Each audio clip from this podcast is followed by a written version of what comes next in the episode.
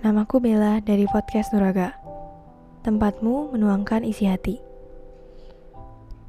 Buat kalian yang baru di channel ini, aku membawakan podcast tentang masalah yang kita hadapi sebagai anak muda dan juga curhatan yang dikirimin dari teman-teman.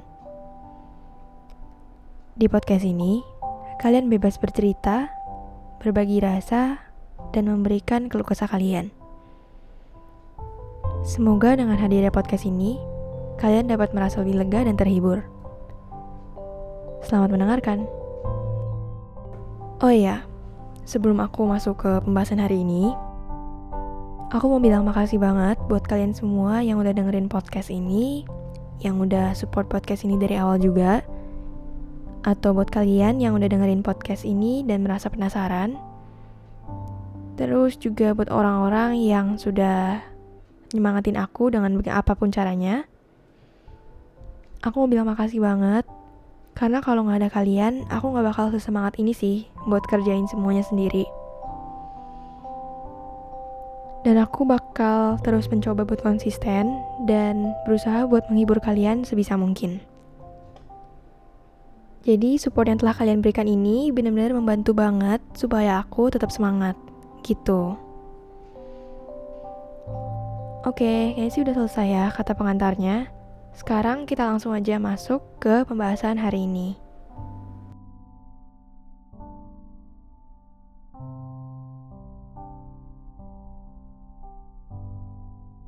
Sebenarnya lucu ya, kalau kita sadar bahwa ternyata kita tuh cuma mau mendengarkan apa yang kita mau. Cuma mau dengerin apa yang sesuai dengan harapan kita, dan cuma mau dengerin orang yang sependapat sama kita. Selebihnya, nggak tahu deh mau diapain. Paling kita pura-pura nggak dengar. Setuju nggak kalian?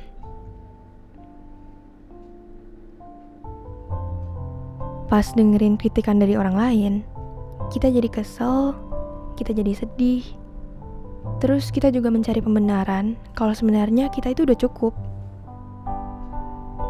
mencari pembenaran kalau sebenarnya kita benar dan orang lain pasti salah.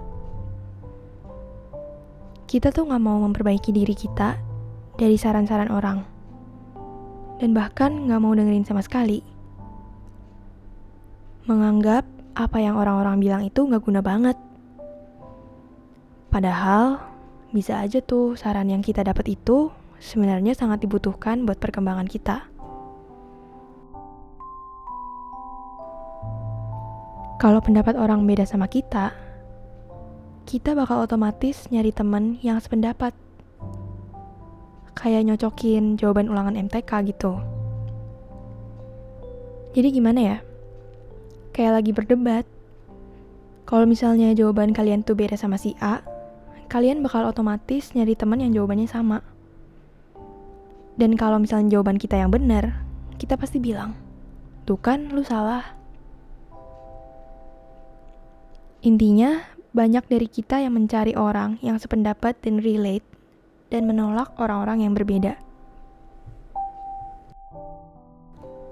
Atau pas kalau misalnya kita punya pendapat yang beda, kita bakal berusaha buat membuktikan ke orang lain kalau teori atau pendapat yang kita punya itu pastinya lebih benar daripada orang lain. Jadi kita tuh gak terima banget kalau misalnya ada orang yang beda sama kita.